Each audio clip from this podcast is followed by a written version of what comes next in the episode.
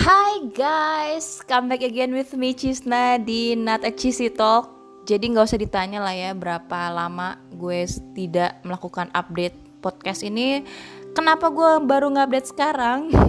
Banyak banget alasan yang tidak usah didengar. Tapi kemarin tuh gue mendapatkan reminder yang cukup nonjok gitu ya. Karena beberapa hari yang lalu ada suatu kerjaan gitulah di mana gue harus menggunakan email pribadi gue gitu ya untuk uh, mengirim emailnya gitu. Dan uh, I just remembered that uh, email pribadi gue itu ternyata di bawahnya itu adalah Cisna as a podcaster gitu lah. Kan biasanya kayak Cisna as human capital uh, business partner or something like that lah ya. Cuman kali uh, di email pribadi gue tuh gue masih menuliskan gue mengklaim diri gue sebagai podcaster.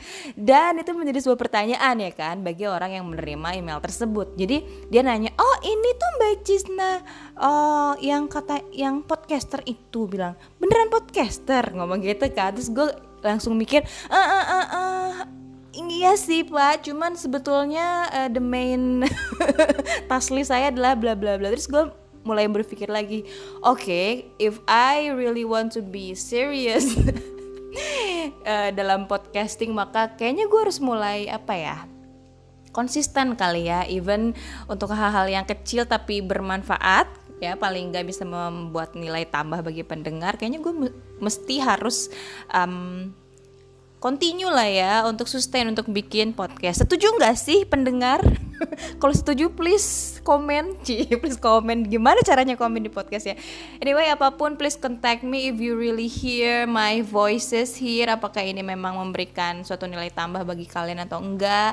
Atau kalian punya masukan khusus tentang konten apa yang sebaik, sebaiknya gue bahas atau apa pun lah yang menurut kalian uh, menarik gitu ya kalau gue bahas gitu boleh please let me know by email, by WhatsApp or Twitter atau apa pun karena gue pasti baca, gue pasti notice dan I appreciate it so much. Nah untuk kali ini gue pengen membahas sesuatu yang masih berada dalam ranah uh, kenyamanan gue which is uh, which is psychology dan uh, ini akan gue sambungkan gitu ya dengan salah satu series di uh, di Netflix yang bener-bener gue suka dari mulai season 1 sampai sekarang season 3 dan selesai gitu.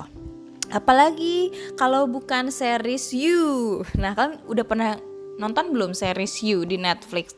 Jadi sebenarnya ini nggak semua orang suka ya dengan series kayak gini ya, karena ini drama, ada romantiknya, kadang-kadang ada ada um, komedinya dikit tapi dark ya yang jelas. Jadi ini kayak bener-bener um, drama psikologis yang di mana dalamnya juga ada thrillernya uh, ada hal-hal yang mungkin bisa nge-trigger kita buat menjadi sedih dan uh, sebaiknya ditonton untuk orang-orang yang udah 17 tahun ke atas kali ya. Mungkin 18 karena mengandung um, ada beberapa scene yang ada darahnya terus language-nya juga mungkin harus diperhatikan dan sebagainya. Tapi gue seneng banget uh, bisa membahas akhirnya bisa membahas series You di Netflix ini karena banyak banget hal yang bisa kita petik ya sebenarnya tentang uh, Joe yang ada di series ini. Jadi sebenarnya ini adalah jadi gue tuh suka banget ya nonton Netflix ya. Bukan karena banyaknya Korea drama nih ya di sana. Tapi karena gue merasa punya akses lah ya untuk menikmati culture cara hidup orang lain cara pandang orang lain keluarga society yang ada di luar lingkungan gue gitu saat ini. Di mana kadang-kadang kan kalau kita menonton suatu series kita dibuat merasakan suasana yang gak bisa kita rasakan ya di dunia nyata gitu ya.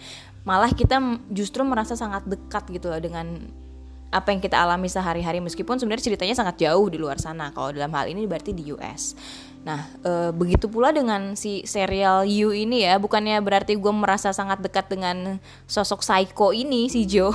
Tapi gue merasa kayak gue mengerti gitu bahwa kadang manusia ini bisa begitu kehilangan batas moral gitu ya. Ketika mencintai seseorang dengan berlebihan Ci, dengan bucin. Dan sebenarnya apa yang terjadi di balik bucin itu pun ada ceritanya gitu dan kita harus bisa uh, memahami itu agar kita dijauhkan dari korban dari orang-orang yang bisa menjadikan kita korban gitu atau bahkan kita sendiri yang menjadi pelakunya gitu. Nah, jadi si sosok Joe ini bikin gue penasaran sebenarnya di musim pertama. Jadi sekarang itu sudah ada di season ketiga dan sudah selesai. Tapi nggak tahu ya, mungkin mungkin bakal ada season lanjutannya. Tapi gue rasa sih cukup lah ya sampai season ini karena dengan segini pun gue merasa kayak oke, okay, uh, we understand about Joe dan familynya dan there's no need to apa ya ngegali ngegali lagi gitu. Tapi kalaupun memang nanti ada season keempatnya ya mungkin gue menjadi happy juga sih. Jadi si Joe ini di season pertama sa sangat terobsesi ya dengan seorang perempuan uh, bernama Guinevere Beck sampai harus mengurungnya di kurungan kaca yang bulletproof. Ini spoiler alert ya. Jadi ini dia tuh dia tuh sangat sick lah, sangat sakit lah ya. Nah, terus dilanjutkan ke season kedua dia masih tetap melakukan hal yang salah, keep doing bad things kepada orang-orang yang dia cintai secara obsesif dan akhirnya dia harus menikahi orang yang sama sakitnya juga ya dengan dia. Terus di season ketiga yang terakhir ini meskipun di awal-awal gue kayak sempet dibuat kesal gitu loh dengan betapa toksik dan impulsifnya si Joe bersama pasangannya yang namanya love itu ya. Jadi gue jadi tahu sih bahwa sifat yang tumbuh dari Joe ini sebenarnya adalah manifestasi luka masa kecil yang didapatkannya dulu. Nah ini yang bener-bener mau gue emphasize pengen gue highlight di podcast ini betapa kalau kita memiliki luka masa lalu which is itu kadang-kadang orang nyebutnya inner child atau inner child wound gitu ya e, di mana luka yang kita dapatkan itu tidak diselesaikan atau kita tidak validasi di di masa ini maka itu akan memunculkan perilaku-perilaku yang e, bisa jadi ekstrim dan juga tidak bisa kita pahami maksudnya. Jadi malah malah jadi uh, bisa merugikan orang lain dan merugikan diri kita sendiri gitu ya nah kalau di kasusnya si Joe ini dia itu masa lalunya adalah dia tidak diinginkan ya oleh orang tuanya. Jadi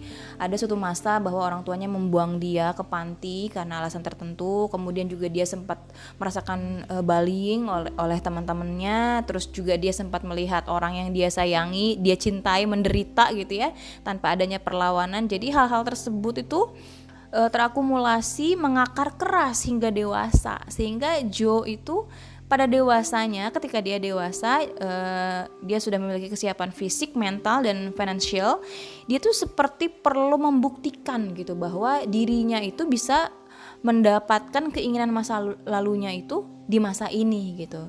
Nah uh, sayangnya si manifestasi rasa sakit itu muncul menjadi suatu hal yang menakutkan berbahaya gitu dan sangat toksik dalam hal ini ya dia menjadi psycho membunuh orang dan lain sebagainya dan itu menjadi excuse bagi dia untuk uh, selalu melakukan hal tersebut lagi nah uh, gue cuma pengen mengingatkan ya bahwa secara sadar atau enggak ini banyak dari kita yang mengalami hal tersebut gitu mungkin manifestasi rasa sakit dari masa kecil itu bisa jadi muncul di perilaku kita saat ini kepada orang-orang di sekitar kita. Gue mungkin gak mau terlalu dalam ya membahas Joa uh, karena mungkin kasusnya akan berbeda di kita.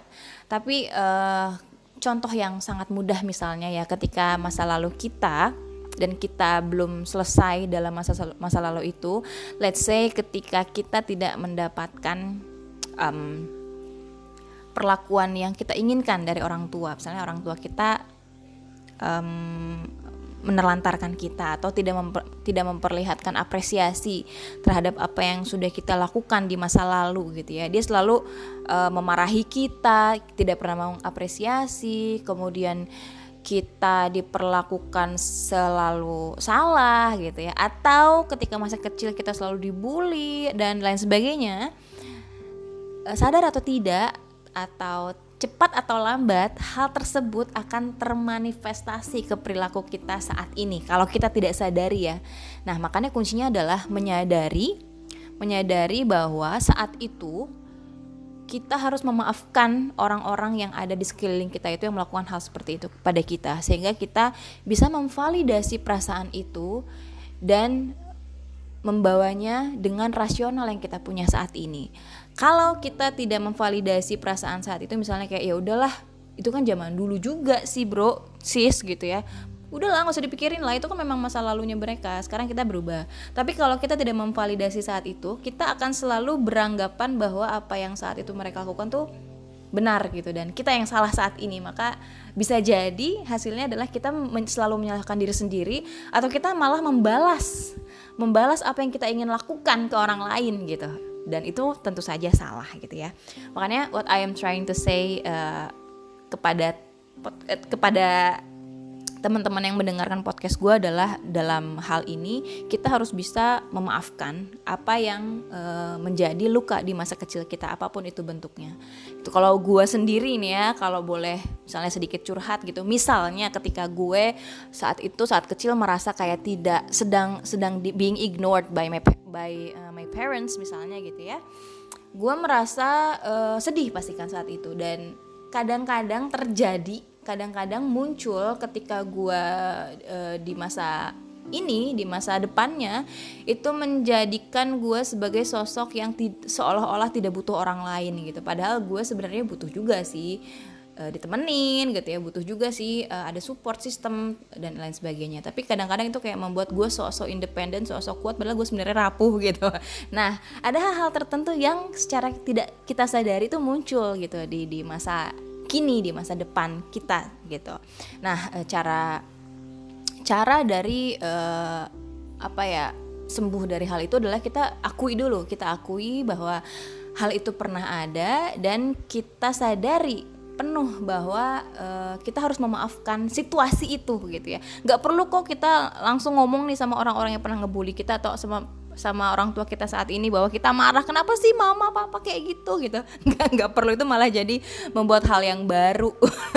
Jadi masalah yang baru. Karena uh, tapi if uh, kalau memang itu membuat itu adalah permasalahan yang sangat berat dan e, bisa menjadi suatu jalan keluar. Bisa jadi itu adalah treatmentnya ya. Jadi balik lagi ke masing-masing orang e, sebagaimana berat atau sebagaimana dalam permasalahannya. Jadi kalau memang terlalu dalam terlalu berat silakan hubungi konselor silakan hubungi psikolog untuk e, ngomongin masalah ini. Tapi kadang-kadang kalau itu menjadi gangguan yang bersifat minor e, mungkin terapi sendiri terapi ke diri sendiri bisa bisa jauh lebih cepet ya buat dihadapi. Nah kalau dalam dalam uh, kasus gue sendiri kadang-kadang ya gitu gue harus uh, menyadari dulu bahwa oke okay, masa kecil gue dulu seperti ini uh, mengapa itu terjadi bisa jadi karena seperti ini dan apakah gue akan uh, memaafkan?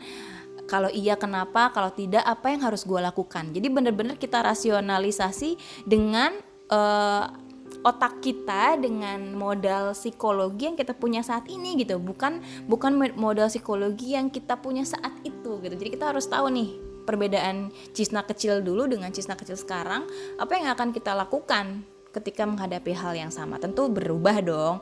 Nah kalau kita udah tahu ada perubahan itu maka perilaku yang kita akan lakukan sekarang pun tidak akan e, berdampak buruk bagi kita sendiri ataupun bagi orang lain. Jadi apa pun yang kita lakukan tuh kita harus aware juga. Kenapa ya gue kok malah jadi sering marah-marah sama orang lain sih? Apa sih permasalahannya?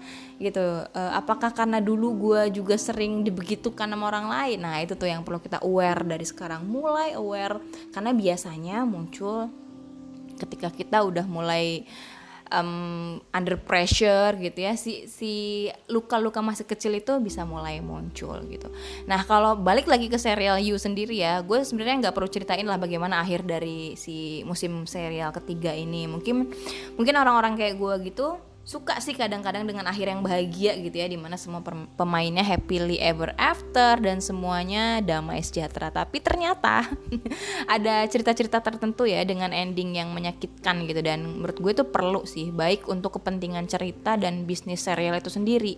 Tapi kalau bagi gue sendiri nih ya yang sangat sensitif nih ya kadang-kadang perlu ada ending yang uh, yang kurang enak gitu buat apa? Untuk belajar sebenarnya untuk belajar pengalaman baru tentang hidup. Karena hidup itu bukan tentang baik atau buruk bukan tentang hitam atau putih tapi bagaimana kita belajar untuk melihat di antaranya gitu. Bahwa ada loh bagian abu-abu yang tipis yang juga ada di sana yang kita bicara tentang luka masa kecil gitu ya atau mereka bilang inner child. Jadi ya tadi kita perlu kita pahami apa itu dan gak, dan mungkin Gak semua orang ya bisa terjebak dalam hal itu. Ada juga orang-orang yang sama sekali nggak merasakannya gitu. Ada yang punya modal ketahanan psikologis yang kuat gitu. Sehingga luka masa kecil apa pun tuh nggak mempengaruhinya lah di masa depan. Tapi ada juga orang-orang yang sangat tipis modal psikologisnya gitu uh, dari mulai modal kalau kalau kita bicara psikologis tuh bisa biasanya bicara empat modal psikologis ya ada yang namanya hope, efficacy, efficacy, resilience dan optimism. Kalau kalian pengen gue lebih bahas lebih dalam boleh nanti kita bahas ya. Tapi mungkin kalau di sini gue akan bilang aja kalau setiap manusia tuh punya modal psikologisnya dan ada yang ada yang kaya gitu ya modalnya ada juga yang dia miskin modalnya nah balik lagi gitu sehingga dalam menjalani hidup ketika ada sesuatu yang hal yang e, mengancam kebahagiaannya termasuk ketika diingatkan kembali tentang perasaan sakit, perasaan cinta gitu ya. Kadang-kadang ada orang yang terbangkitkan, tergugah luka masa lalu, luka masa kecilnya gitu dan menjadikannya bahan bakar yang kuat untuk melawan. Ada yang malah jadi ngebully balik, ada yang malah jadi emosional, ada yang mulai uh, ke-trigger atau bahkan uh, apa ya, dia jadi malah marah-marah sama anaknya gitu ya. Nah, sayangnya untuk banyak kasus orang-orang yang tidak selesai gitu akan inner child wound-nya itu menjadikan dia individu yang Eh, nggak uh, berfungsi dengan baik. Jadi ya tadi mudah stres mudah nangis atau dalam bentuk yang agresif menjadi pemarah bisanya bisa jadi menyakiti orang-orang yang di sekitarnya gitu. Nah maka gue mengingatkan kembali untuk dapat mengikhlaskan luka masa kecil apa pun yang pernah ada di diri kita sehingga kita bisa menyadari nih bahwa saat ini adalah masa yang dapat kita kontrol, bukan didorong karena keinginan atau motivasi apa pun di masa lalu tanpa ada saringan moral yang baik. Jadi, kita perlu aware, perlu sadar penuh gitu ya bahwa setiap perilaku yang kita lakukan itu sejatinya adalah cerminan diri kita saat ini, bukan dari masa lalu. Sehingga kita punya kesempatan nih untuk merubah hidup kita dari yang tadinya gelap mungkin ya menyakitkan, kelam, sakit gitu menjadi sesuatu yang baik, yang indah, worth to live dan untuk orang-orang generasi kita uh, generasi setelah kita jadi juga jadi lebih bahagia jadi kita harus bisa memutus uh, apa ya lingkaran setan itu gitu masa lalu apa pun yang terjadi pahami ikhlaskan dan jalankan jadi Joe dan ceritanya ini mengajarkan kita bahwa akan selalu ada fresh start di setiap fase kehidupan Oke, mungkin itu aja dari gue untuk podcast kali ini. Thank you so much for listening. See you again. Bye.